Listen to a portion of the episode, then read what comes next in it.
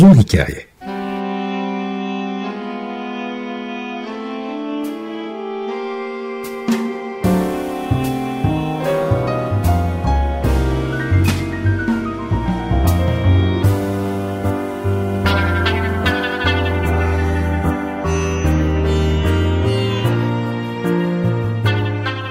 Hazırlayan ve sunan Muzaffer Çorlu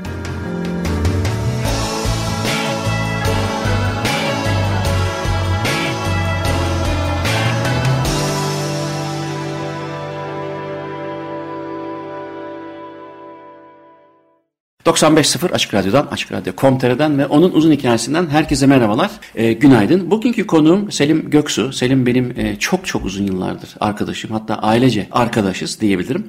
Kendisi davulcu. Dolayısıyla da e, bu davulun evrimini başta ele alacağız. Sonra davul neden insanların hayatında aslında önemli bir yere sahip? Medeniyetin neden kurulmasında e, davulla ilişkili e, neuroscientific yani sinir bilimsel verilerimiz var. Onları bir davulcuyla tartışmak istedim ve de neyse ki e, arkadaşlarımdan birinin de e, davulcu olmasından yola çıkarak Selim'i çağırdım. Selim Göksu hoş geldin. Hoş bulduk Muzaffer. Ne haber? İyilik valla. Yuvarlanıp gidiyoruz. İyi yapıyorsun. Şimdi e, hakikaten şöyle başlayalım. Ben önce şunu sorayım. E, ben biliyorsun Belçika'da yaşadığım için bizim okullarda hem özel akademilerde hem konservatuarlarda e, bir numara iki numara genelde e, gitar, e, klasik gitar, piyano sonra keman falan diye sıralanır. Neye göredir bu? Popülerliğe göredir. Fakat davulun her zaman farklı bir yeri vardır. Çünkü e, davul deyince yani ritmik sazlar ya da vurmalı sazlar deyince bunun çeşidi çok fazla. Yani çok basit e, el çırpması da bir vurmalı sazdır insanın kendi kendine ürettiği. Ama çok kompleks bu drum kitler ya da işte senfoni orkestralarında kullanılan triangle'dan tut da işte biliyorsun timpanilere kadar hatta savaş tamtamlarından tut da mehterandaki o köstlere kadar çok geniş bir e, yelpazede olduğu için vurmalı saz herkesi ilgilendirir. Türkiye'de sen davul dersi de verdiğin için Türkiye bağlamında başlayalım ama sen uzun yıllar Londra'da da yaşadın ve orada da müzik evet. yaptığın için orayı da karşılaştırabilirsin. Sen de öyle görüyor musun? Gerçekten sizin bu saz e, çok popüler mi hakikaten? Popüler ve yani benim Türkiye'de gözlemlediğim kadarıyla derslerinden en azından derslere gelen öğrenciler ve öğrenci sayısı açısından da hatta son 6 yılda falan bile bir e, popülerlik ilerlemesi var. Galiba bunun öğrencilerden gözlemleyebildiğim kadarıyla birkaç tane ana nedeni var. Bir senin de dediğin gibi e, ritim, ritim tarafı. Hı hı. E, bir enstrüman olmadan da ritimle ee, yani insanlar herhangi bir yere vurarak hatta vücutlarını vurarak, ellerini çırparak ritimle ilgili bir şeyler yapabilirler kendi kendilerini. Bir, e, davulun zaten ya da bütün enstrümanların olduğu gibi ama ana fikir davulda ritim orada öne çıkan o. Hı hı. Ee, iki, e, İnsanlar davul e, kitini gördükleri zaman, takımını gördükleri zaman bir sürü enstrüman görüyorlar aslında. Bayağı gösterişli, heybetli, e, işte davulcu oraya vuruyor, buraya vuruyor, bir sürü şeyler yapıyor. Bu insanların hoşuna da gidiyor olabilir. Hani bir tane gitar çalmak yerine bir sürü enstrüman çalıyorsun ve bayağı da gösterişli bir şey. Ve çok ses çıkarıyorsun. E, bir şey daha var. Yalnız bunu e, söylemeden geçemeyeceğim. Biraz ironik. Biraz da e, belki bir piyano kadar ya da bir e, nefesli enstrüman kadar ya da bir gitar kadar insanlar e, davulu sofistike bir enstrüman olarak algılamıyorlar. Yani Hı-hı. Türkçesi kolay ya herhalde. Alıyorsun bageti vuruyorsun. Evet alıyorsun bageti vuruyorsun. Öyle gelenler de var mesela derslere. Tabii ki bir cool tarafı var. O da büyük, heybetli, gösterişli bir enstrümana vurduğun için. Onun bir cool tarafı, e, bir etiket tarafı sanıyorum var. Şimdi e, bu popülerlik tabii e, daha çok dinlenilen janrlardan bir tanesi poptur belki. E, ama onunla beraber e, rock ve her türü progresif rock'tan metale kadar uzanan e, şeyde tabii ki cazda öyle ama e, klasikte barokta hatta erken barokta daha da sık kullanımını görüyoruz. Handel'de, e, Bach'ta falan bildiğin e, çok ciddi bir davul kullanımı, vurmalı sazlar kullanımı var. Fakat tabii dediğim gibi öncelikle insanların e, gençler arasında daha çok sanıyorum rock ya da daha sonraki janrlarda kullanıldığı ve de domine eden de bir tarafı var gerçekten. Arkada evet. yani şey gibi orkestra şefinin bir tam tersten görünümü gibi. Arkada her şeyi e, sanki o kontrol ediyormuş gibi. İşin Gerçekte de tarafı. aslında biraz öyle yani kontrol eden. Tabii tabii ama o da görünüyor zaten. Evet. E, bu da bir, bir parça e, müzikte öne çıkmayı çok isteyen kişiler için de e, bir yol sağlıyor. Fakat istersen şuraya gelelim. Ben e, hep programlarda ya da kendi seminerlerimde, derslerimde ya da iş e, sinir bilimle e, müziği birleştirdiği zaman o konulardan en önemlisi e, ritim ve de e, insana özgü olan ve diğer hayvanlarda, memeliler dahil pek e, sıklıkla gözükmeyen, gözükse bile çok uzun sürdürülemeyen bir senkronize olma durumu var. Bu o kadar çok çalışıldı ki özellikle işte işin neuroscience tarafında Steven Pinker gibi e, kognitif sinir bilimciler ya da müzik tarafında, psikoakustik tarafında bizler e, epey bir e, bu senkronize olma işini çok çalışıyoruz. Yani beynin hangi bölgesi, neden, niye bu kadar zordur? İşte bonobo gibi türlerin bile 8-10 bitten sonra e, senkronu devam ettiremediğini görüyoruz falan. Bu tabii motor korteksin ve insan beyninin evriminde çok karmaşık şekilde ritimden, ritim duygusundan çok yararlandığı ve tüm e, beynin neredeyse müzik yoluyla kullanıldığı için insanda daha gelişmiş bir kavram. Dolayısıyla insanın evrimine bakıldığında diğer sazlardan farklı olarak çok daha erkene giden bir e, tarihsel gelişimi var. Şimdi senle şeyi konuşmak istiyorum. E, işin bu tarafını çünkü biz senle aslında bir seminerden sonra epey uzun bir sohbet etmiştik. Hatta hatırlarsan ben sana demiştim ki sohbet çok uzadı gel bunu bir radyo programı yapalım.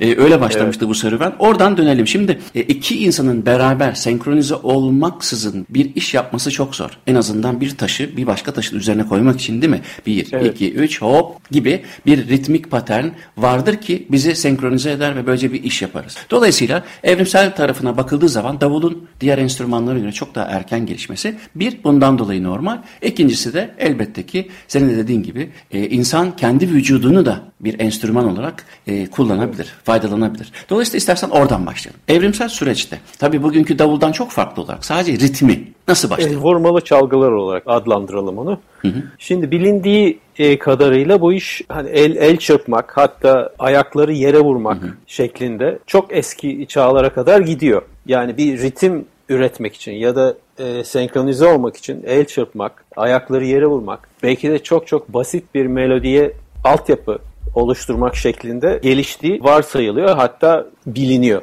Evet yapılan deneyler, evet, yeni yapılan, yapılan deneylerde evet. evet özellikle ritmik e, bir patern takip ediyorsa Hı. MR çalışmalarında gerçekten beynin özel spesifik yerlerin harekete geçtiğini e, evet. ve de kognisyondan daha önce gelişmiş Hı. olmasıyla ilgili veriler var. Dolayısıyla rahat konuşabilirsin. Evet dediğin gibi evet. çünkü.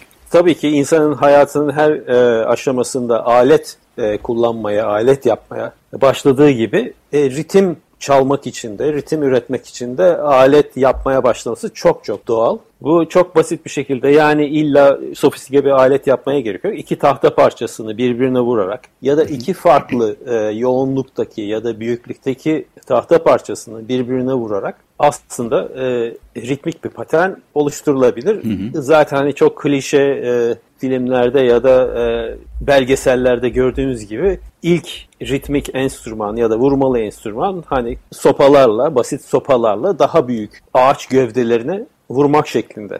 Şimdi tabii burada bir e, araya girip şu cümleyi söyleyeyim. E, bu konuyla ilgili yapılan çalışmalarda hep şu söylenir. E, bilinen en eski enstrüman dendiği zaman işte benim de çok örneğini verdiğim bu Slovenya'da ve Almanya'da bulunan ve 50 bin yıl kadar öncesine tarihlenen bir flüt vardır. E, tabii ilk enstrüman, en eski enstrüman o deyince e, evet ama davul ya da vurmalı sazlarda enstrüman dendiği zaman somut elle tutulan farklı bir şeye de e, gönderme yapmak zorunda değiliz. Çünkü elimiz ve bedenimizle birlikte biz evet. aslında enstrümanı yaptık demektir ama bunun evet. bir yerde bulunmasına da imkan yok. Dolayısıyla ilk davul ne zaman icat edildi bunu bilemeyiz. İlk evet. e, kimin aklına geldiyse el ele vurmak ya da e, bir yere vurmak. Dolayısıyla onun amacını belki araştırabiliriz. Şöyle bir şey söyleyebilirim. Bundan 4-5 yıl önce bir araştırmacı psikologla konuşuyordum. Benim de davul çaldığımı, müzikle e, uğraştığımı bildiği için o da araştırdığı konulardan bir tanesiydi. Ya dedi insan e, ritim duyunca ya da bir rit, ritimle e, haşır neşir olunca niye rahatlar? Böyle bir soru e, soruyordu ve bunu e, bunun cevabını bulmak istiyordu. Bana da o anda aklıma şöyle bir şey geldi. Kendini şöyle düşün dedim. Çok çok eski çağlarda hani korumasız bir şekilde yaşıyordu insanlar. Hani korunabilecekleri tek yer mağaraydı. E, o mağarayı ya buluyordun ya bulmuyordun. Belki de açıkta yatıyordun. Hı. E tabii ki etrafında bir sürü vahşi hayvanlar var artı e, başka insanlar var. Bunların hepsi sana dost olmayabilir. İşte sen onların alanında olabilirsin. Onlar sende olan bir şeyi almak isteyebilir. Dolayısıyla e, insanlar belki bir miktar ötedeki bir, bir uzun bir mesafedeki diğer belki dost bir kabileyle e, haberleşmek için belki bir takım ritmik paternler kullandılar. Ve şöyle farz et dedim. Sen gece karanlıkta hiçbir şey yok, ışık yok. Hani şehir ışığı var ya bugünlerde öyle bir şey yok tabii ki. Birden uzaktan bir ritim duyuyorsun. Ve o ritim sana bir şey anlatıyor. Ve o ritmi du- duyduğun anda belki de uzaktaki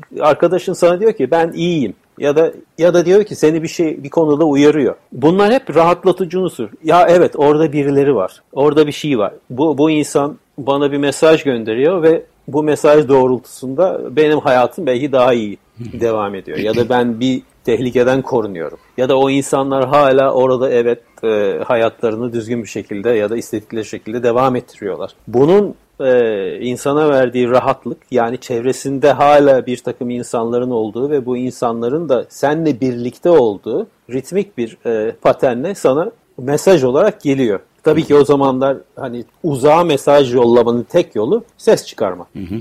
Zaten iki tahtayı birbirine vurduğun zaman bu hala kullanılıyor. Özellikle Latin e, müziklerinde. Hakikaten çok şey yoğun iki parça tahtayı birbirine vurursun ve bu aslında acayip bir ses çıkarır. Yani orkestranın içinden her şekilde duyulur bu. Hı hı. E bunu daha büyük bir e, parça parçalarla yaptığını düşün. Bunu uzağa çok kolaylıkla bir de etrafta başka gürültü olmadığı için iletebiliyorsun. Hı hı. Bu yüzden de rahatlıyorsun. Çünkü bu sana bir mesaj geliyor. Yalnız değilsin. En azından onu e, yani ke- herkes kendi içine dönüp baktığı zaman yalnız olmadığını anladığı an rahatlar. Hı hı. Yani sen bunu bir ritimle, e, ritmik bir mesajla aldığın zaman da bu senin herhalde TET eski çağlardan beri e, bir şekilde bilinçaltına yerleşmiş oluyor. Belki de o yüzden o ritmi duyduğun anda e, ve sen bununla da senkronize olduğun zaman çünkü o ritme de büyük bir ihtimalle o şeye de cevap veriyorsun hı hı. kendi mesajından. Büyük bir ihtimalle herhalde bu yüzden.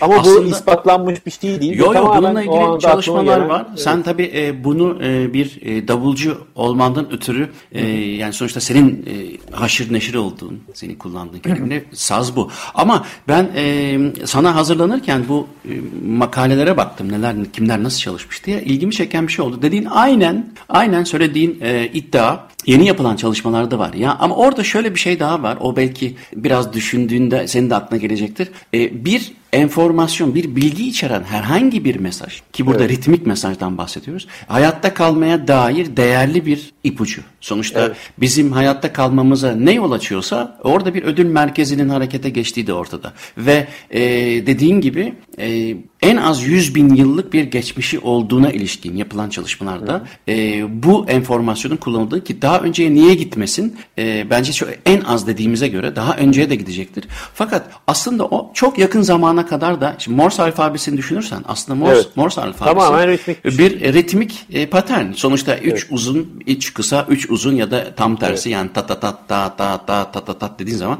evet. SOS yani yardım isteme aslında evet. o 100 bin yıllık atalarımızın sonuçta bir elektrik sinyali ya da radyo sinyaliyle neyse yapılıyorsa e, Morse alfabesi de aynı şeyi anlatıyor. Ama bir diğer bir şey var Bilmem katılır mısın? Bu da e, yapılmış bir çalışma. O da şu. Herhangi bir şekilde strese dair, bedeninde yüklü olduğu stresi atmak için mesela koşması ya da işte bir faaliyet göstermesi gösteriliyor ki gerçekten çok faydalı. Fakat eğer o dışarıya atılan enerji bir ritmik paterni takip ediyorsa çok daha e, efektif bir hale geliyor. Mesela işte tap dancingler vardır. Hani Hı-hı. aslında orada bir ayakla vurmalı saz e, evet. icra edilir. E, orada da şeyi göstermişler yapılan çalışmalarda. Eğer ritmik bir paterni takip edip ya da kendisi improvizasyon yapıyorsa çeşitli şekillerde bölüyorsa da orada stresi atma oranı daha yükseliyormuş. Hani bizim tam tam dediğimiz zaman da aslında buna gitmiş evet. oluyor. Dolayısıyla Tabii evrimsel bu... süreçte hani bugün bile kullandığımız şeylerle sabit e, evet. iddialar bunlar. Doğru geliyor insanın kullandığı. E tabii ki şu şu tarafı da var. Bu sadece hani güvenlik açısından kendini rahat hissetme olayına ek olarak hı hı. tabii ki bu ritmik paternler, e, konuşma, işte e, melodi haline gelen konuşmalar ve bunların ritimle birlikte e, icra edilmesiyle ve aslında işte belki de ilkel şarkılar oluştukça sonuçta şarkı yani müzik insanı rahatlatan bir hı hı. E, faaliyet. Büyük bir ihtimalle tabii ki onunla da e, ilişkili bir şey. Yani ritimle birlikte bir melodiyi duyuyorsun ve bu seni mutlu ediyor. Hı hı. Dolayısıyla rahatlatıyor, stresi azaltıyor. Hı. Büyük ihtimalle tabii ki bununla da e, ilgisi var. Hı. E, bir de şeyi de e, e, hani ninnileri düşünürsen tabii orada yapılmış evet. ninni çalışmalar var. Ninnilerde de iki tane faktör öne çıkıyor. Bir tanesi melodik e, faktör ki mesela Türk ninnileri benim çok hoşuma gider. Böyle sabah makamında ninniler vardır falan. Böyle sakinleştirme e, etkisi de ortaya koymuş. Ama ondan daha önemlisi Mesela melodinin modal mi, e, tonal mi olduğu ya da makamsal mı olduğu kültürlere göre değişiyor. Fakat global olarak değişmeyen bir şey varsa o da ritim. Yani e, mesela şimdi hemen dinleyenler bizi ya da seyredenler anlayacaktır. E, e, e, e diye bir şey evet. söyler anneler duydukları için. Fakat bu hemen hemen her kültürde aşağı yukarı aynı. Sen şimdi bunu söyleyince bir daha düşündüm. Aslında çok sofistike olmayan, çok kolay algılanabilir ritimler bunlar.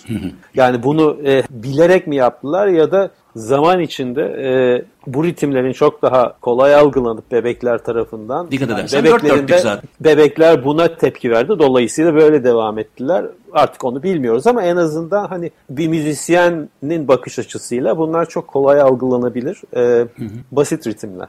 Fakat o basit ritimlerin e, mesela işte e e e e etkisini tabii yatsımıyoruz burada. E, tabii ama bir o kadar da insanın e, kolaylıkla senkronize olduğu ki bebekten bahsediyoruz. Bir evet. bebeğin annesinin ninnisine senkronize olduğu zaman yanılmıyorsam bir sürü melanin dahil bir sürü hormonların salınımı artıyor ki bu da uykuyu evet. e, rahatlatan ya da, da çabuk getiren hormonlardan bir tanesi. Evet. Belli ki bizim e, vurmalı sazlara ihtiyacımız olmuş. Hatta biz vurmalı vurmalı sazların askerleriyiz falan. Ama evet. e, bununla birlikte tabii iş e, bir göçler başladıktan sonra mesela hadi endüstri devrimine kadar gelmiş olalım bu şekilde ama ondan sonra tabii özellikle Afro-Küban etkisi Amerika'da, Avrupa'da işte Hint etkisi vesaire vesaire bütün bu vurmalı sazların hem Batı müziğiyle hem Amerikan hı hı. müziğiyle karıştıktan sonra iş bayağı bir e, çetrefilleşiyor. Evet, Dilersen son derece sofistike hale. Oradan şeye kadar getirelim. Bu Chicago'daki içki yasaklarıyla beraber e, olup biten şeylere kadar bir kısa dönem tarihi yapalım. Ondan sonra bir tane evet. de bir şey dinleyelim sonra devam edelim. E, şimdi bu e, davul kiti aslında Amerika'da gelişmiş bir enstrüman. Amerikan İç Savaşı'nın e, bitişine kadar e, yani 1865 yaklaşık o yıllara kadar gidiyor.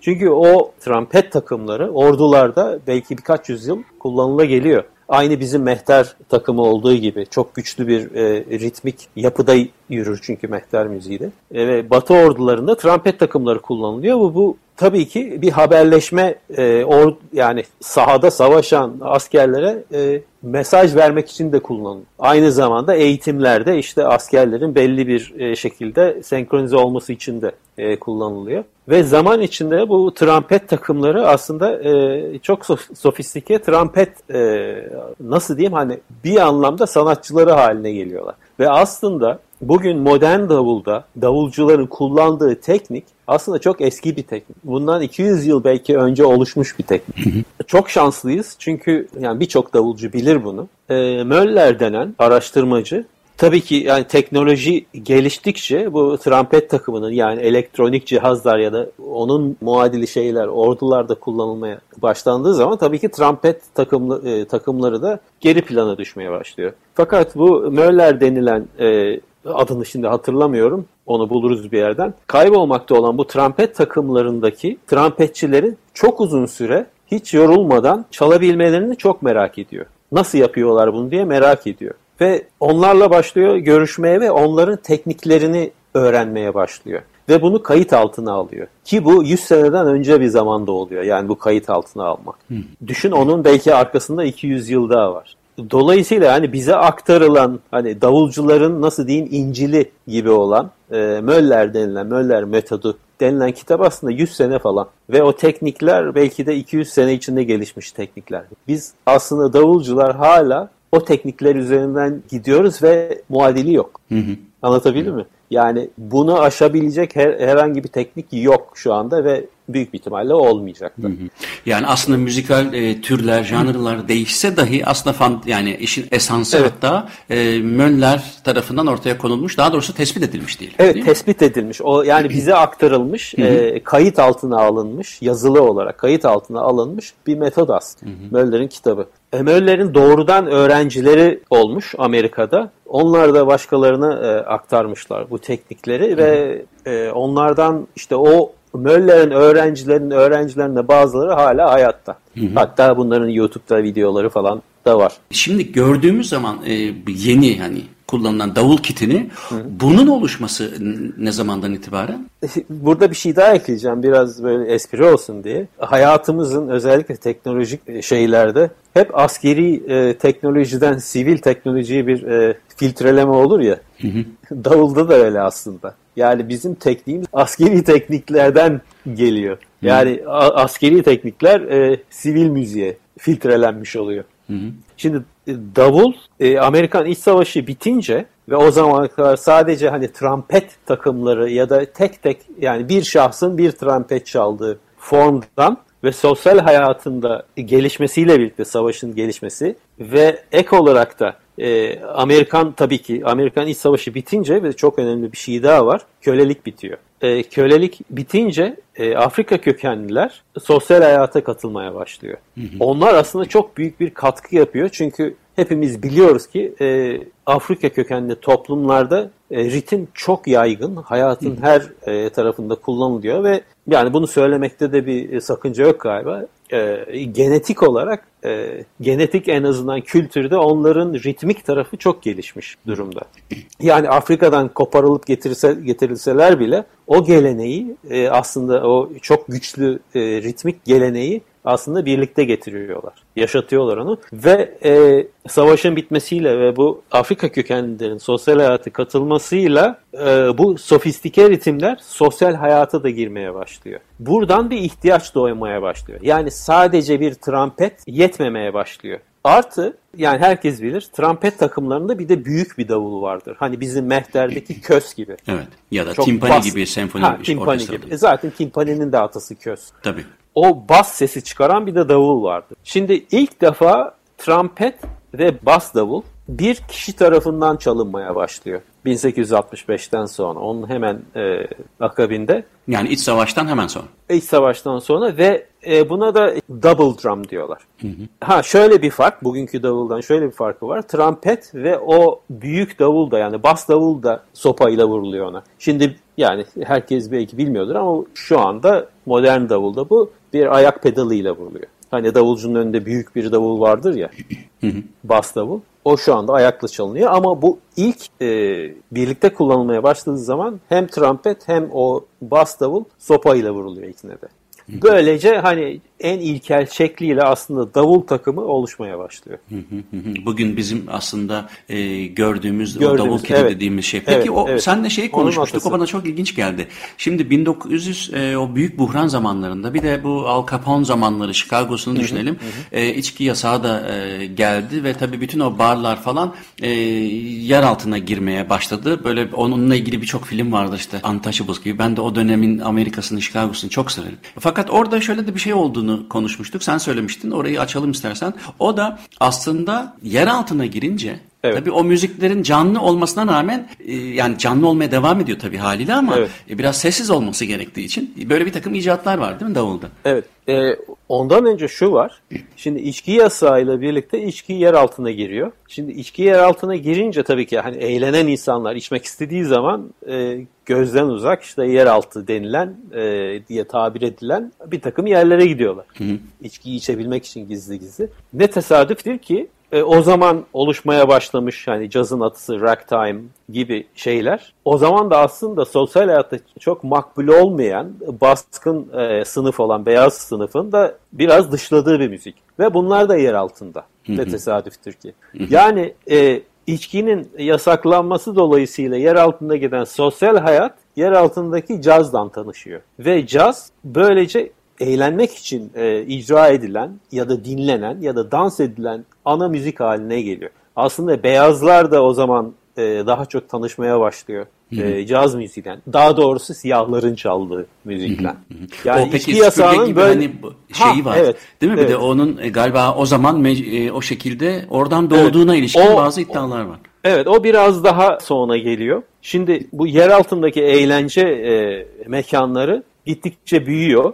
E, bir birçok insan çünkü geliyor ve dans ediyorlar. Çünkü o zamanın hani şey eğlence şekli müzik ve dans. E bu şey yok, büyük ses sistemleri de yok. E, bir sürü nefesli var. Yani gruplar o zaman yaklaşık işte bu Big Band'in öncesi ama en azından 7-8 kişi. Yani 2-3 nefesli var işte e, bir davul var. O davulun bas davul da e, büyük oluyor ki o yani ritmin ana unsuru olan o bas paten duyulsun diye. Çünkü o zaman büyük ses sistemleri yok. Hoparlörler, mikrofonlar falan yeterli değil. O kadar yüksek sese dayanabilecek bir büyük bir ihtimalle mikrofon da yok. Yani o sesi aktarabilir. Neyse böylece davul e, seti büyümeye başlıyor. Hem fiziki olarak hem de parçalar olarak falan. Fakat daha sonra bu iş iyice artık ana bir müzik akımı haline gelmeye başladığı zaman e, daha küçük kulüplerde de çalınmaya başlıyor tabii. E, ama daha küçük kulüplerde çalındığı zaman bu sefer o büyük davulun sesi diğer enstrümanları, orkestralar da küçülmeye başlıyor. Diğer enstrümanları biraz bastırmaya başlıyor.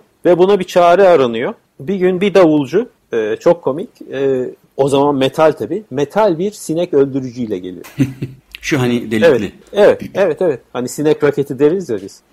Metal bir sinek raketiyle geliyor ve davulu onunla çalıyor. Daha sessiz, e, daha düşük volümde çalmak için. İşte bizim o fırça dediğimiz şeyin atası aslında bir sinek raketi. Davulcuların hani daha çok caz davulcuların kullandığı e, fırça aslında onun atası bir sinek raketi. Ondan sonra e, bu ana yani davul davulun gelişmesinde ve bir takım orijinal parçaların icadında da büyük rol oynamış Ludwig denen firma e, bir şey yapıyor. E, bugün bildiğimiz haliyle bir çok ince çelik tellerden oluşan e, bir fırça yapıyor. Davul fırçası yapıyor ve o, o zaman yapılan fırça bugün hala belki belki çok küçük değişikliklerle kullanılıyor. Şimdi plastik versiyonları falan da var Hı-hı. ama sonuçta fikir aynı fikir. E, o davul kitine zilin ya da o hi-hats'in eklenmesi ne zaman olan bir şey? Ha, onun şu anda notlarıma bakmam lazım. Fakat şöyle enteresan bir durum var. E, Amerika'ya tabii ki 1900'lerden itibaren Amerika'ya büyük bir göç dalgası oluyor ve her yerden yani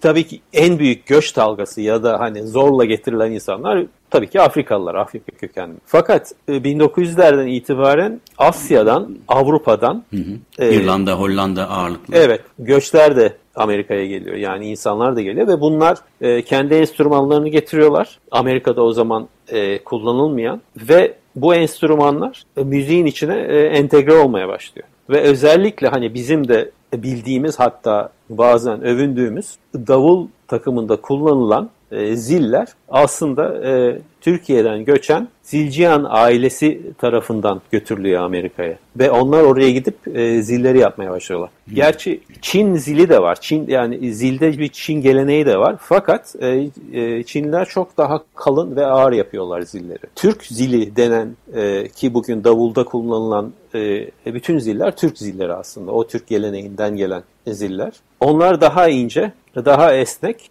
ve e, ses olarak da daha fazla e, varyasyonun alınabileceği türden e, ziller. Dolayısıyla hani çok daha müzikal. Çin zilleri çok kalın olduğu için hani belki bir tane, bir tek bir ses çıkarıyor. Hani hı hı. çan Rezonansa da çok çıkarıyor. geçemiyor evet, tabii. Haliyle. Evet, aynı.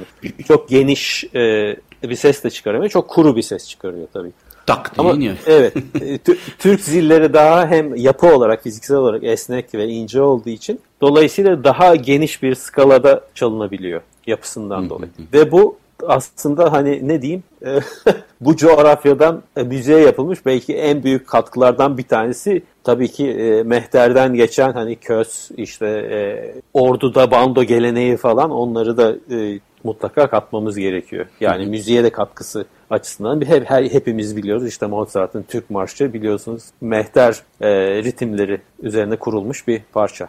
İstersen birinci bölümü böyle bitirelim. Davulun öne çıktığı bir parça seçtireyim ben sana. Sonra ikinci bölümde biraz daha gene e, bedenle olan ilişkisine ve de e, şeylere gireriz stillere. Ama bir e, müzik arası verelim de dinleyelim. E, Art Blakey'nin popüler olmuş e, güzel bir parçası var. Adı. Hı hı. Art Blakey bilenler bilir. İkonik davulculardan bir tanesi. Davulun gelişimine e, önemli katkılar yapmış bir davulcu. Hı hı. Morning adlı parçayı. Tamam. Ondan sonra ikinci bölüme devam ederiz.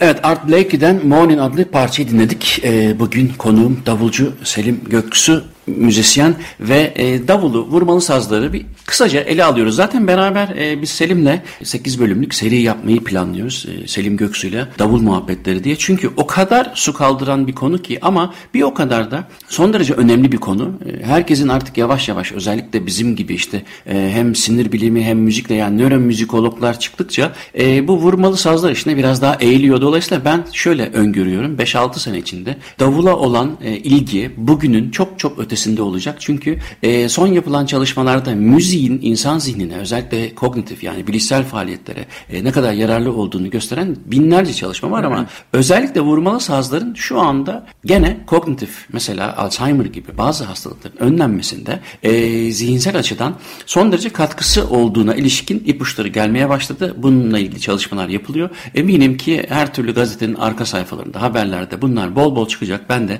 gerek Andante'de gerek diğer dergilerde yazdığım için e, bu çok duyulacak. O yüzden ben şimdiden Selim'le beraber böyle bir program e, sinsilesi yapmaya karar verdim. Şimdi ilk bölümde güzel konuştuk, getirdik tarihini, günümüze geleceğiz ama sen e, enteresan bir şey söyledin. Türk zillerinin zilci yanlı değil mi? Yanlış söylemiyorum. Evet, zilci yanlı beraber. Amerika'ya gittikten sonra ama e, bunun dışında bir de tabii e, şimdi kompleks ritimlere geçmeden önce gene e, Orta Doğu coğrafyasının ağırlıklı olarak işte Orta Doğu'nun, Mezopotamya'nın bir de aksak ritimleri var ki bu e, hatta şey de vardır Take Five mesela Dave Brubeck'in e, Amerika'da yolda işte Türk müzisyenleri ya da Orta Doğulu müzisyenleri gördükten sonra beslediği e, bir e, parça. Ona, ona Blue Ronda Ala Türk'ü diyebiliriz ki o Tabii. da çok tipik bir e, bu coğrafyanın 9-8'i. Evet. Şimdi gitardan baktığımız zaman bir e, İspanya etkisini görüyoruz. Latin Amerika'nın etkisini görüyoruz. E, diğer te- telli çalgıların Avrupa'da özellikle işte lavta gibi, teorba gibi etkilerini görüyoruz ama bütün dünyaya bunu e, yayamıyoruz. Yani enstrümanlar değişmeye başladı. Hindistan'da santur oluyor, başka yerde başka bir şey oluyor. Ama davula baktığımız zaman davulda hemen hemen her kültürden bir parça bir şey bulmak mümkün. Fakat davulun yani vurmalı sazların çalınma biçiminde de bütün bedenin duhlunu görüyoruz. Yani bütün beden dahil oluyor. Kaç tane enstrüman var ki? Evet piyanonun da e, pedalları var, arpta da pedallar var ama e, tüm bedenle birlikte e, çalınan enstrüman bildiğim kadarıyla pek yok. Hatta şeyi görmüştüm. Bir konserden sonra standart bir e, metal müzik yapan davulcunun işte ka- 20 bin kalori falan harcadığını falan okumuştum. Yani yanılmıyorsam, abartmıyorsam ama ger- gerçekten hani gittiğim konserlerde de görüyorum. Yani davulcu ölüyor bir defa. Sağlam bir davulcunun mesela spor yapması gerekiyordur diye düşünüyorum. Öyle görüyorum. Bence bütün müzisyenlerin spor yapması gerekiyor. Ben öğrencilerime her seferinde şunu söylüyorum. Evet bir enstrüman, enstrüman çalıyorsunuz. Yani bir sanat icra edeceksiniz eğer o seviyeye gelirseniz. Fakat bunu çok entelektüelize etmeyin diyorum. Sonuçta bir kas hareketi yapıyorsunuz. Bu da bir spor. Bir çeşit spor. Dolayısıyla e, buna hazır olmanız lazım. Özellikle belli bir e, performans seviyesinde çalacaksınız. Bunun için fit olmanız lazım. Ya da kaslarınızın e, esnek çalışıyor durumda olması lazım. Bu sadece davul çalarak ya da hani günde 15 saat davul pratiği yapılarak ya da gitar pratiği her neyse yapılarak olacak bir şey değil. Bir sporcu gibi kasların nasıl esnek tutulacağını bilmeniz lazım. Ve bu işi sadece çok derin bir sanat gibi görmeyin. Aynı zamanda hani bir spor gibi bir kas hareketi. Yani en ilkel e, halinde de görün. Bunu bütün öğrencilerime anlatıyorum. Hem hani olayı gözlerinde büyütmesinler ya da olayı olduğundan daha hani çok sofistike bir şey olarak algılamasınlar ve aynı zamanda tıpkı bir sporcu gibi özellikle yani mutlaka bütün enstrümanlar yapıyordur. Çalmaya başlamadan önce en azından bir 15-20 dakika ısınmalarını her zaman hatırlatıyor. Ya bir söylemek istediğim bir iki şey daha var. Hemen güçten, kuvvetten ya da spordan açılmışken konu. E, davulu çalmak için ya da davuldan çok ses çıkarmak için bir e, güce ihtiyaç yok. Tamamen teknikle alakalı bir şey. E, sopayı e, davulun neresine, hangi açıyla vurduğunuz çok çok çok önemli. Yani e, ne bileyim bir 10 yaşındaki bir çocuk davuldan müthiş bir volüm çıkartabilir. Hiç sorun değil. Ve var. Öğrencilerim var öyle. Son yıllarda e, genç kızların da davula ilgileri olduğunu e, gözlemliyorum ve benim de bir ara %30 %40 öğrencilerim genç kızlardan oluşuyordu. E, dolayısıyla hani genellikle davul maskülün işte hani güçle kuvvetle ilişkilendirilen bir alet. Hani herkes gitar çalıyor, kadınlar gitar çalıyor, küçük kızlar gitar çalıyor. O nedense onlar hani güçle kuvvetle ilişkilendirilmiyor. Fakat davul hep hani çok belki de eller kollar çok kullanıldığı için güçle kuvvetle ilgilendiriliyor ve çok daha maskülün bir şey olarak algılanıyor belki ama bu değişiyor. Hiç kimse e, özellikle kadınlar e, bu iş erkek kişi demesinler. Eğer merakları varsa hiç çekemeden e, gitsinler ders alsın. Şu aralar burada e, Belçika'da bir çalışma yürütüyorum. O da e, işte deneylerine de başlayacağız. E, 65 yaş üstü insanlardaki e, müziğe 65 yaşından sonra başlamış olsalar dahi e, bedensel, ruhsal, davranışsal ve kognitif değişiklikler neler oluyor onların çalışmasını yapıyorum şimdi. E, tabii çok yapılan çok çalışma var. Kesinlikle etkisi var ama davulla ilgili şöyle enteresan bilgiler var. Ben davulcu değilim. Bakalım katılır mısın? Onlardan bir tanesi şu.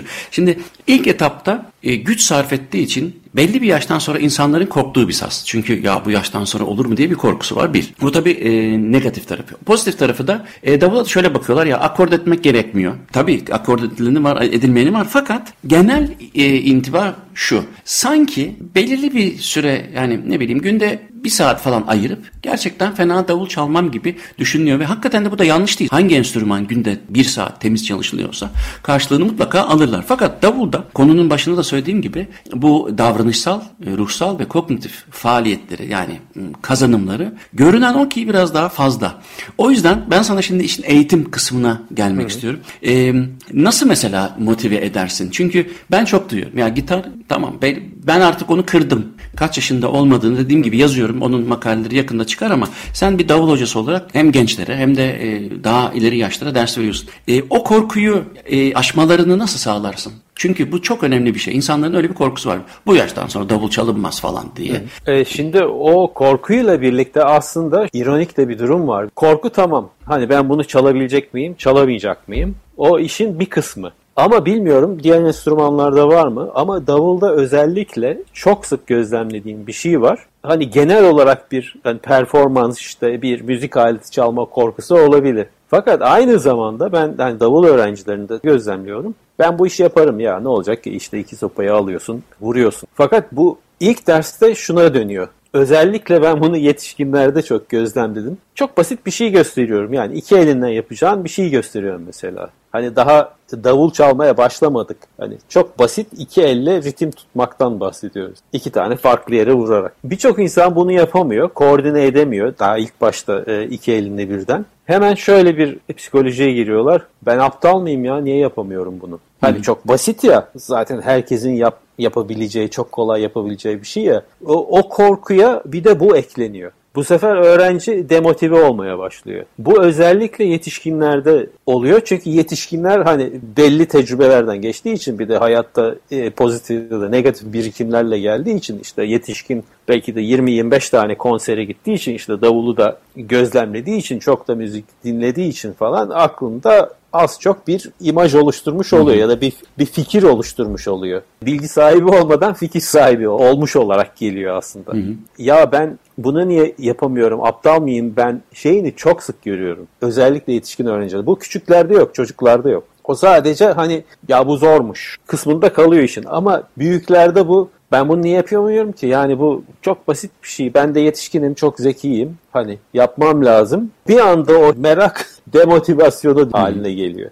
Orada farklı bir motivasyon tekniği kullanmak gerekiyor. Çocuklar hani her şeye açık ve aslında tecrübenin bir de kısıtlayıcı tarafı var ya. Onlardan arınmış olduğu için ya da o daha oraya gelmediği çocuklar aslında daha açıklar. Sadece hani zor bir şeyi öğreniyormuş gibi algılıyorlar onlar. Hı hı. Fakat büyüklerin algısı öyle değil. Büyükler hani ben zaten belli bir yere geldim hayatta. Ee, hani bu da davul sonuçta ben bunu çalarım. O tavırla geliyorlar ama 5 dakika sonra ben aptal mıyım demeye başlıyor kendi. Bunu sözle bile söyleyen var ve ben bunu artık tavırlardan da anlıyorum. Hı hı. Hani tabii ki ya sen aptal değilsin demiyorum tabii ki ama onu tekrar o motive hale nasıl getirebilirim onu düşünmeye başlıyorum. Hani nasıl motive ediyorum ya da nasıl öğretiyorum sorusuna gelince küçüklerle dediğim gibi e, büyüklerin motivasyon şekilleri farklı oluyor. Çünkü büyüklerin zaten hani %99.9'u ya ben bu işi zaten hani gelecekte profesyonel müzisyen olarak yapmayacağım. Dolayısıyla hani birkaç şarkı çalsam bana tamamdır. Ben de o şekilde o yöne doğru motive edip o yöne doğru yönlendiriyorum. Çok fazla teknik detayla boğmadan öğrencileri. Ya bak işte bunun formülde bu. Hani yetişkin öğrencilerle biraz daha entelektüel seviyede il- iletişim kurarak, onları hani bir şeye razı ederek ya da bir şeye inandırarak e, yürüyorum.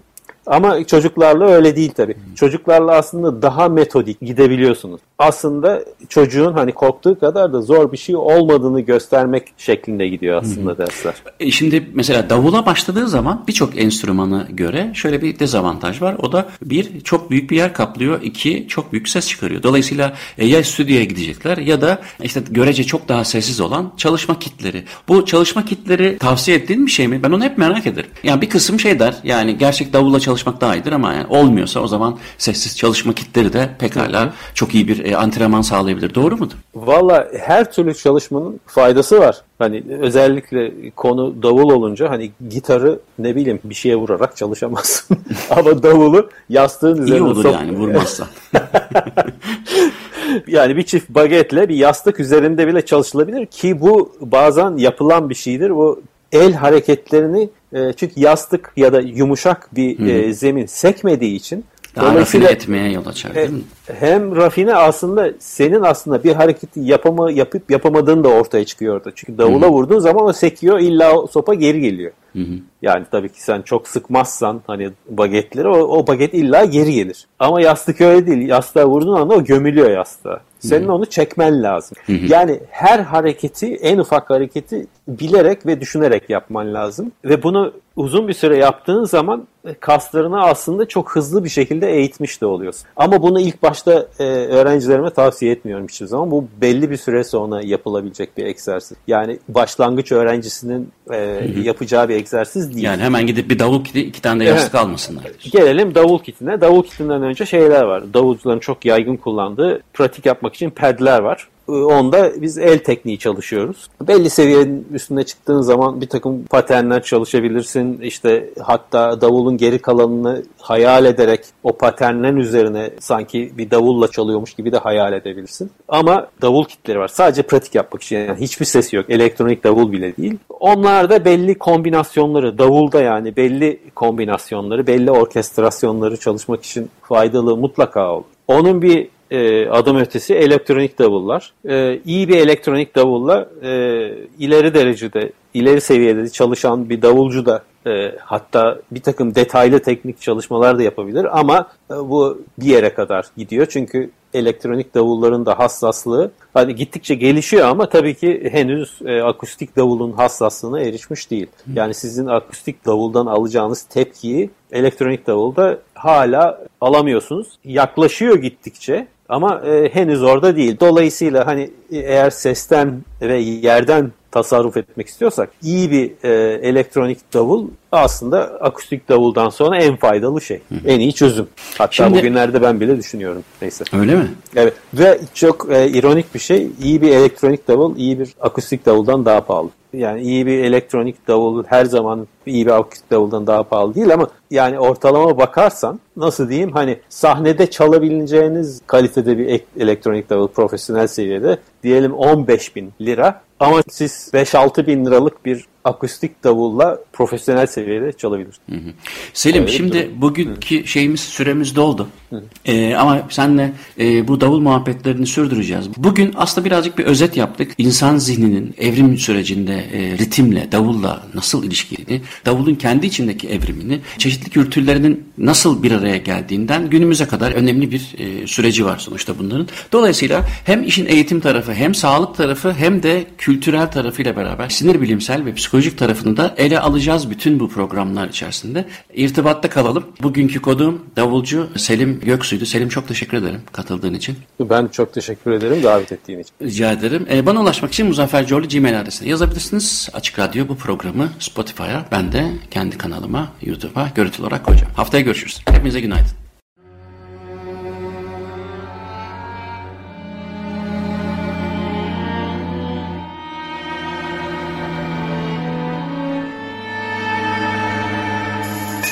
Uzun Hikaye.